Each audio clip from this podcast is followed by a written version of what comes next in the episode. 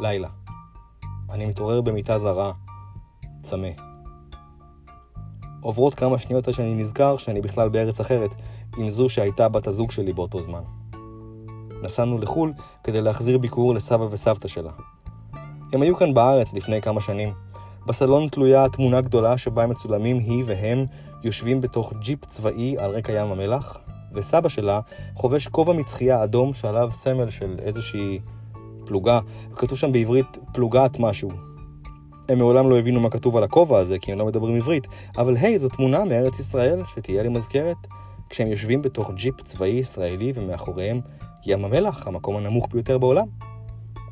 וסבא שלה גם לובש בתמונה חולצה לבנה ששמר למזכרת, שעליה ההדפס של השקופית הזאת שהיו משדרים פעם בערוץ אחד כשלא היו שידורים. העיגול הצבעוני הזה עם משהו שכתוב עליו בעברית. לעזאזל אני צמא. מת מצמא. אבל הבית הזה זר לי, ואני לא מבין את השפה.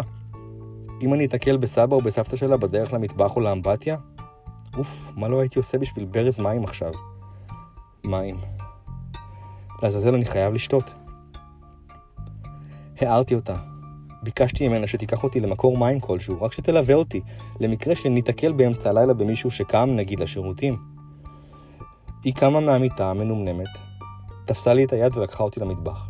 שם היא פתחה את המקרר וחיפשה משהו לשתות. בתוך המקרר, בין סיר של חצילים מטוגנים לנקניק שעשוי מסוס, היא מצאה בקבוק של מי עדן.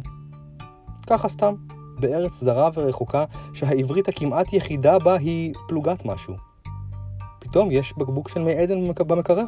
לא חשבנו הרבה, היא מצאה כוס על השיש ונתנה לי למזוג לעצמי, לקחתי שלוק ענק, בלעתי, ואז נזכרתי שבתמונה עם הג'יפ, שבה סבא לבוש בחולצה של ערוץ אחד וכובע של פלוגת משהו, הוא מחזיק בקבוק של מי עדן. ומתברר שים המלח נמצא ברקע כי הם טיילו שם ולקחו ממנו קצת מים. מים מארץ ישראל, שיהיה למזכרת.